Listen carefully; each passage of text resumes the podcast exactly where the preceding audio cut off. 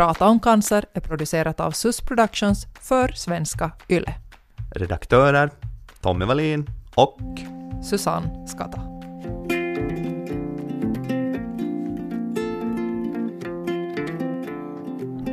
Tror ni att man kan leva och undvika cancer på något sätt? Nej, jag tror inte att det har någon betydelse om du, om du det här...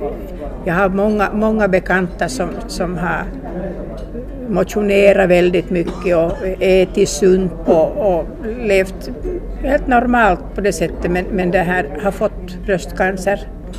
Jag tror, inte, jag tror inte riktigt på det. Det är nog de här generna någon, någon som, som spelar in där. Jag kan inte förstå något annat. För att, då, då finns det också sådana som, som man tänker liksom att, att no, hon eller han har nog levt rullan, att det är konstigt att inte de får någonting utan mår hur bra som helst.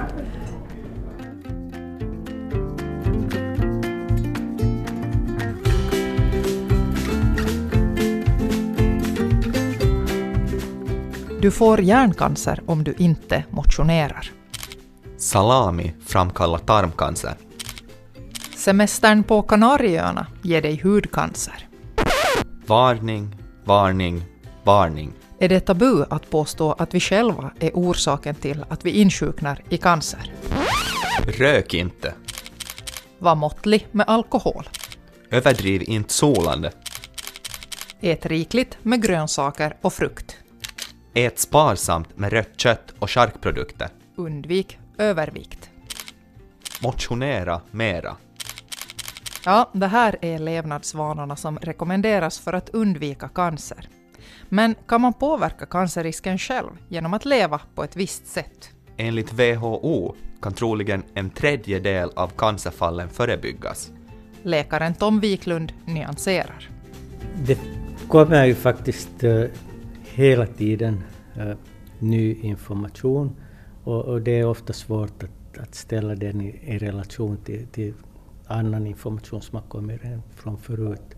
Och eh, då så är det så att, att, att tyvärr så genom att följa de här allmängiltiga råden så kan man inte så att säga förhindra att man får cancer. Att, att man, fast man lever ett hur hälsosamt liv som helst så, så kan man få cancer, men risken är mindre än, än om man uh, röker, uh, dricker mer alkohol än vad som är rekommenderat eller uh, är överviktig. I mars presenterade en grupp forskare från John Hopkins-universitetet i USA en uträkning som visade att två tredjedelar av de mutationer som orsakar cancer uppkommer av en ren slump, alltså något som vi inte kan påverka. Det har framkommit i en del forskningssammanhang tidigare, men som alltid krävs det många studier innan man säkert kan säga att det stämmer. Den sista tredjedelen påverkas i alla fall av hur vi lever. Det är till exempel bevisat att kvinnor efter klimakterieåldern löper ökad risk att drabbas av cancer om de är överviktiga. Och fler rökare än icke-rökare drabbas av lungcancer. Världshälsoorganisationen WHO har för ett par år sedan, efter att ha tittat på flera oberoende studier, konstaterat att processat kött, alltså sånt som behandlats för att få ökad hållbarhet, kan orsaka cancer.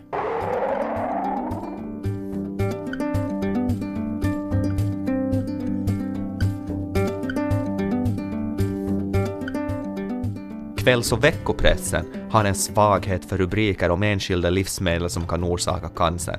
Ena dagen är det korv och nästa choklad som följs av rubriker som att vin, vitlök och tomat minskar risken att drabbas. Kaffet hör till de drycker som både ratats och rosats i spekulationerna kring vad som framkallar elaka celldelningar i våra kroppar. Mikael Fogelholm han är professor i näringslära vid Helsingfors universitet. Jag kollade det här kaffet ännu liksom speciellt och, och ingenting, ingenting som skulle vara med kaffe som så. Det Nej. enda som är intressant är det att, att, att om man dricker mycket heta drycker, riktigt sådär heta drycker, och det här är för det mesta någonstans i, i liksom, jag tror att det var Sydamerika, man har, där finns sådana kulturer var man, var man dricker liksom sådär nästan kokande heta drycker. Okay. Och det kan ha, det kan orsaka, det finns beviset inte hemskt starkt, men det kan förorsaka liksom cancer här i liksom halsen. Låt kaffet svalna lite och njut. Då minskar du risken att få cancer i matstrupen. Den är för övrigt den åttonde vanligaste cancerformen i världen och den är vanligast i Asien, Sydamerika och östra Afrika, där heta drycker i stor utsträckning är förknippat med tradition. Matkulturen påverkar vår hälsa, men var i världen äter man då bäst? Alltså mest hälsosamt ur cancerriskperspektivet? Professor Mikael Fogelholm. Om du, om du skulle ha frågat var åt man bäst 50 år sedan så då skulle jag kanske ha sagt, sagt äh, någonstans i Spanien, Italien, Medelhavsländerna. Nu har det ju hänt på det sättet att, att i, till och med i de här medelhavsländerna så, så kostvanorna har förändrats. Och, och, och om vi nu tar Spanien och pratar om kött, mm. så ännu 50 år sedan så åt man inte enormt stora köttmängder i Spanien, men nu är Spanien köttätarlandet kanske nummer ett i Europa. Uh, Italien ligger mycket efter och det är ju bra för dem, mm. men, men, men uh, överhuvudtaget så har liksom kostvanorna där ändrat sig till att de äter lite lite sämre än, än vad de åt länge sedan. I Finland är det på det sättet intressant att vi har varit ett fattigt land, och så, men, att, men att det där, nu har vi ju blivit rikare och, och mat, vi, vi, kan ju äta vad som helst här och jag skulle säga att Finland och överhuvudtaget kanske de nordiska länderna är sådana att, att matvanorna har utvecklats till att de är bättre nu än vad de var 30-40 år sedan. Och, och, om man jämför ehm, till exempel fiberintaget som är en ganska bra indikation av, av viss typ av, av liksom mat, eh, så fiberintaget i Finland är högre än i Mellaneuropa, Tyskland, Schweiz, mm. Storbritannien och så bortåt. Så att vi äter inte så hemskt dåligt nu för tiden mera.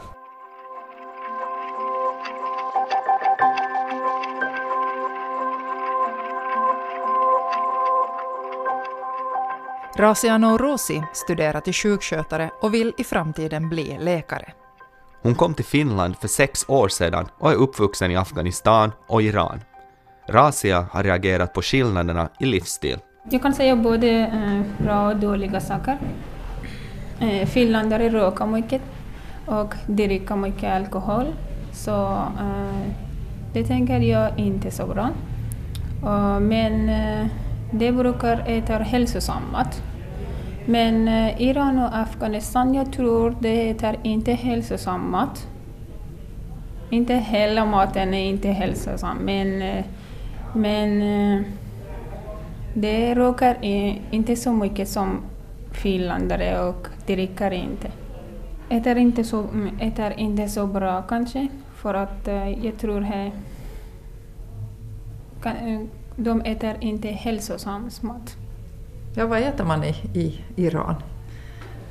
Till exempel de, mm, det finns några äh, fattiga familjer som äh, använder inte äh, exakt bra olja. Så man kan ta en exempel.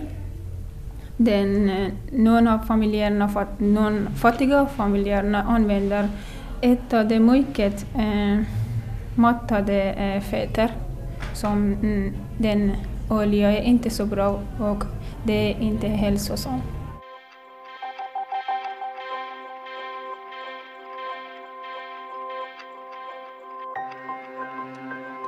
Socioekonomiska orsaker är viktiga. Enligt en stor finsk studie löper lågutbildade större risk att dö i cancer än högutbildade.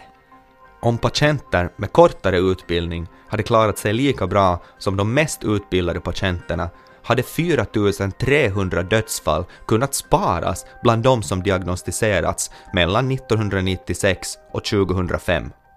De finländska cancerpatienternas överlevnadssiffror är bland de högsta i världen, men det finns utrymme för förbättring. Resultaten förklaras inte med skillnader i behandling. De mest utbildade röker och dricker mindre än de lågutbildade och klarar ofta de komplicerade systemen inom vården bättre. De högutbildade besöker oftare läkarmottagning på grund av olika symptom och deltar också flitigare i massundersökningar för tidig upptäckt av cancer. Just massundersökningarna, screeningen av cancer, har visat sig vara ett effektivt vapen mot cancer. Cancerforskaren Robert Antbacka vid University of Utah i USA menar att den information som finns om livsstil och cancer är långt utvecklad och spridd här i Finland. Skillnaden är framförallt i den där preventiva vården. Alltså Finland är otroligt mycket bättre att ha en preventiv vård än vad USA är. Jag tror det här att den här specialbehandlingen i USA um, är bättre än på de flesta ställen i världen. Men den preventiva vården är mycket bättre faktiskt i, i resten av världen än vad det är i USA. Och sist och slutligen måste vi eh, från ett, från ett, samhället, från ett samhällets synsätt så måste vi inse att om vi kan, om vi kan motverka äh, patienterna från att, att få cancer, den här preventiva vården är faktiskt mycket viktigare än den här behandlingen av cancervården. Och också socialt sett eh, antagligen billigare än att behandla patienterna när de får cancer. Så det här är faktiskt något som i USA nu som vi pratar mycket mer om än vad vi har gjort tidigare. Och jag hoppas att det ska bli mera pengar som, som går till den här preventiva vården i USA. Men Finland är faktiskt steget före det eh, ganska mycket jämfört med USA. Robert Antbacka skryter på den preventiva vården i sitt hemland.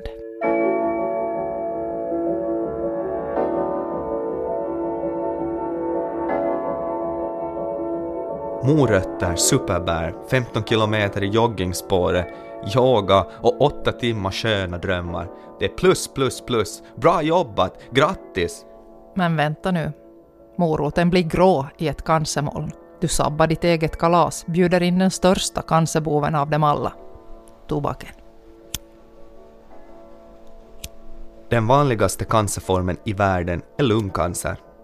Kina med sina över 300 miljoner rökare är här i en nyckelposition. En tredjedel av världens alla cigaretter konsumeras i landet och av alla dödliga cancerfall i världen står Kina för hela 27 procent.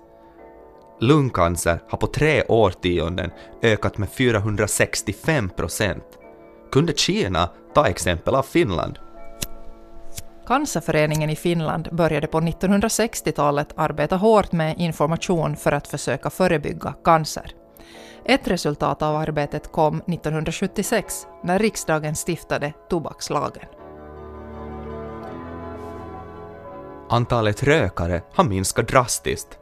På 1920-talet rökte exempelvis 70 procent av de finländska männen och idag är den siffran kring 19 procent. Att rökning blivit mindre vanligt syns också i sjukstatistiken. Antalet lungcancerfall började peka neråt på 1970-talet.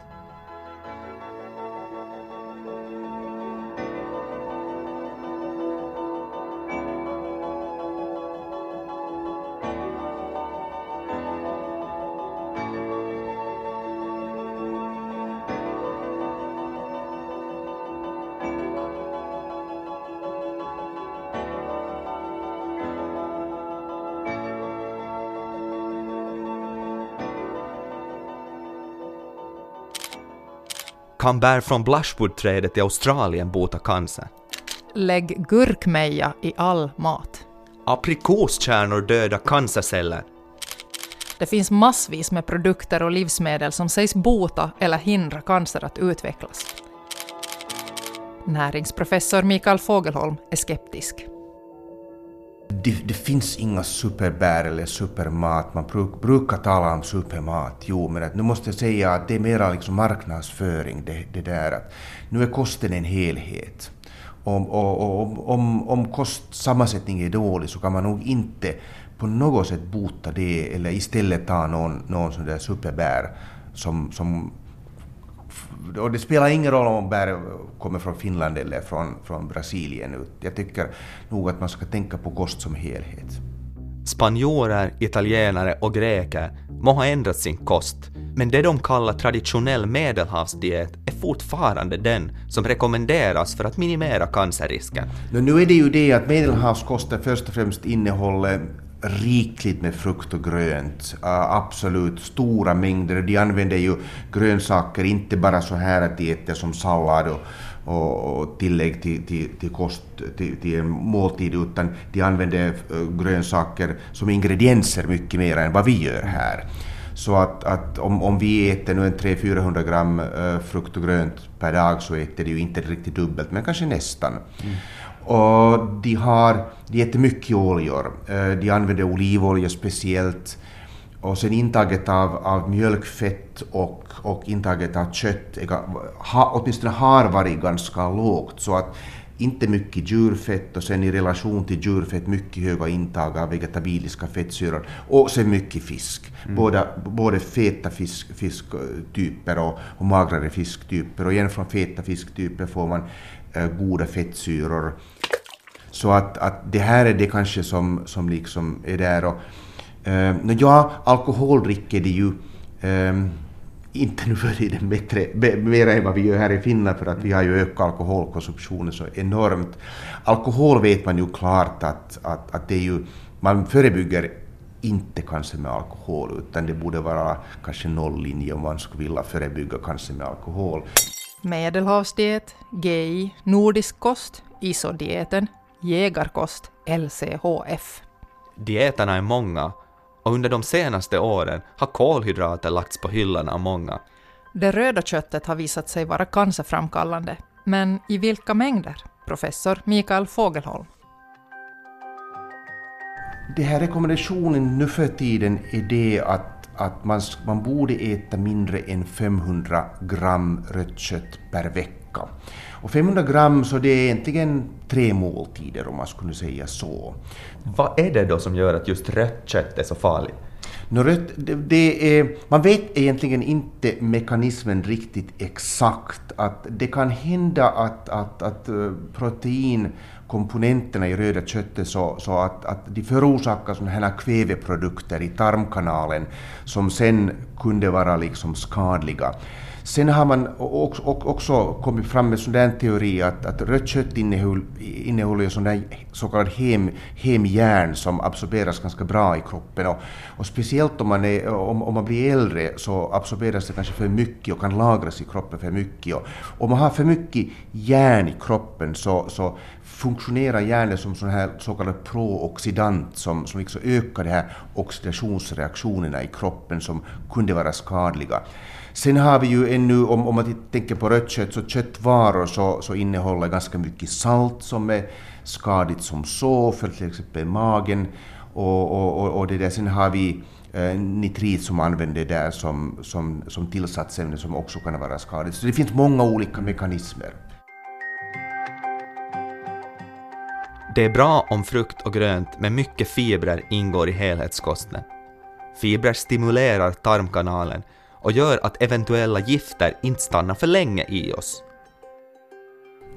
Om, om vi äter frukt och grönt och bär som ju innehåller fiber, eh, vissa typer av fiber. Att vi, vi, vi behöver olika typer av fiber, inte bara fiber från frukt och bär och grönt utan också från spannmålsprodukter. Men då vi äter frukt och bär och grönt, så då samtidigt får vi alla möjliga så kallade antioxidanter, eh, inte bara C-vitamin som är antioxidant eh, eller betakaroten som är antioxidant, utan vi får till exempel såna färgämnen som flavonoider mm. som, som också funktionerar som antioxidanter som troligen uh, har en betydelse.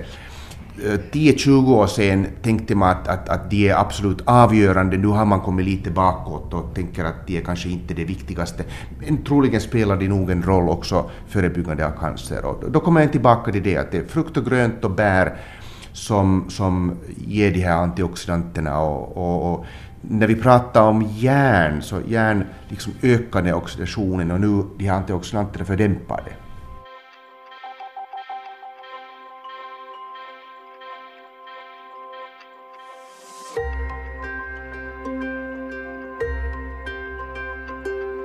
Felaktig kost och stillasittande kan leda till övervikt och fettman kan i sin tur framkalla cancer. Hur då? Mikael Fogelholm. Nu är det ju hormonerna, det är östrogenhormonen och alla möjliga andra insulinen och sånt, att, att liksom höga nivåer av, av, av det här. Och sen har man ju också sådana här inflammationsfaktorer som liksom att, att människor som, har, som, som är feta så de har högre nivå av sådana här all olika typer av inflammationsfaktorer som också, också nu har, har anknytts till, till eh, högre förekomst av cancer. Så det är det. Det är ju lite... Det är inte så hemskt lätt alltid att liksom veta hur fetma anknyter sig till cancer. Att, att, att vi har vissa, till exempel just äh, äldre kvinnor som är feta, så de har klart ökad risk till bröstcancer. Och sen cancer äh, i tarmkanalen är också ganska klart äh, anknuten till till fetma. Men om man går och tittar på bröstcancer bland, hos kvinnor som, som är yngre, mm. så hos dem egentligen fetma tycks om någonting så förebygger fetma cancer hos yngre kvinnor. Mm. Så det är inte alltid så entydigt hur de här förbindelserna går. Men att om man nu tittar på liksom cancerfall överhuvudtaget och på, på befolkningsnivå skulle vilja sänka, äh, sänka liksom cancerförekomst så så nu skulle jag då säga att, att, att inte, inte ska vi ge råd åt, åt yngre kvinnor att, att, jo, att ät mera och bli fetare, utan nu är det generella rådet är ju det att, att, att håll kroppsvikten eh, något sådär normal. Kanske LAA-dieten är den bästa dieten.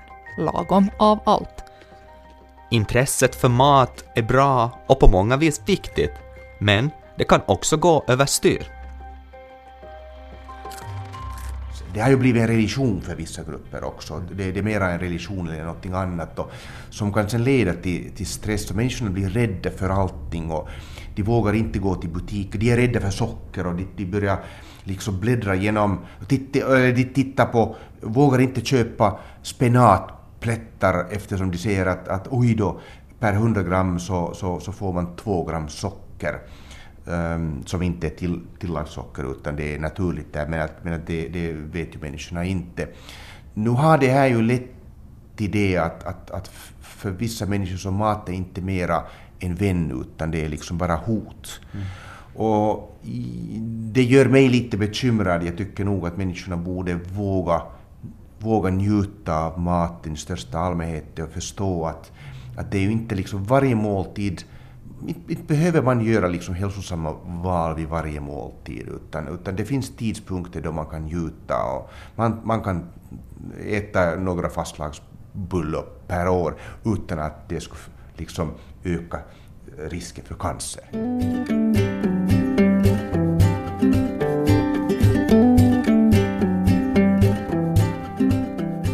Förutom kosten är också motionen viktig om man vill förebygga cancer. När hjärtat får jobba påverkar det oss ända ner på cellnivå. Genomblödningen ökar i vävnaderna, mer syre transporteras ut i kroppen och förmågan till reparation och cellförnyelse förbättras. Att röra på sig hjälper även immunförsvaret att bättre ta hand om infektioner och minska på de kroniska inflammationer som är bidragande orsaker bakom flera cancerformer. Träning leder också till en effektivare ämnesomsättning och bättre hormonell balans. Bland annat sänks östrogennivåerna vid träning. Och östrogen är en riskfaktor för både bröstcancer och livmoderkroppscancer. Att bära på för många extra kilon kan innebära en ökad risk för exempelvis cancer i matstrupe, tarm, livmoder, bröst, gallblåsa och njure.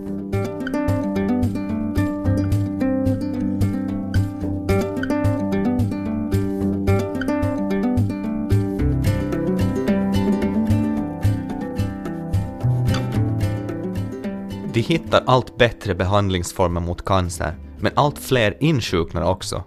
WHOs prognos får vilken skräckfilm som helst att framstå som rena rama Alfons. År 2032 kommer 25 miljoner människor i hela världen att få cancer. I jämförelse med dagens 14 miljoner är det nästan en fördubbling. Den största ökningen av cancer ser vi i fattigare länder i Afrika och Asien. Då de anammar vår typ av livsstil med rökning, alkoholkonsumtion och ohälsosamma matvanor så ökar också cancerfallen.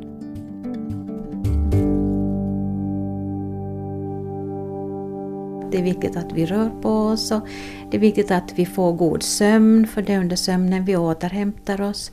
Och det är viktigt också att vi äter hälsosamt, mycket grönt och frukter och försöker undvika rött kött och, och sånt här. Så, mm, vi får ju alla de där rekommendationerna i alla veckotidningar så att eh, det, det, borde alla veta vad som är sunt och bra för oss. Men, men att sen tycker jag också att det är jätteviktigt att vi unnar oss gott, att vi får njuta av det vi äter och dricker och det vi gör överhuvudtaget. Jag tror jättemycket på, på njutningens kraft. Ah. Psykolog Carita Jakobsson sammanfattar det hela väl. Tänk aktivt på dina val, men glöm inte att njuta.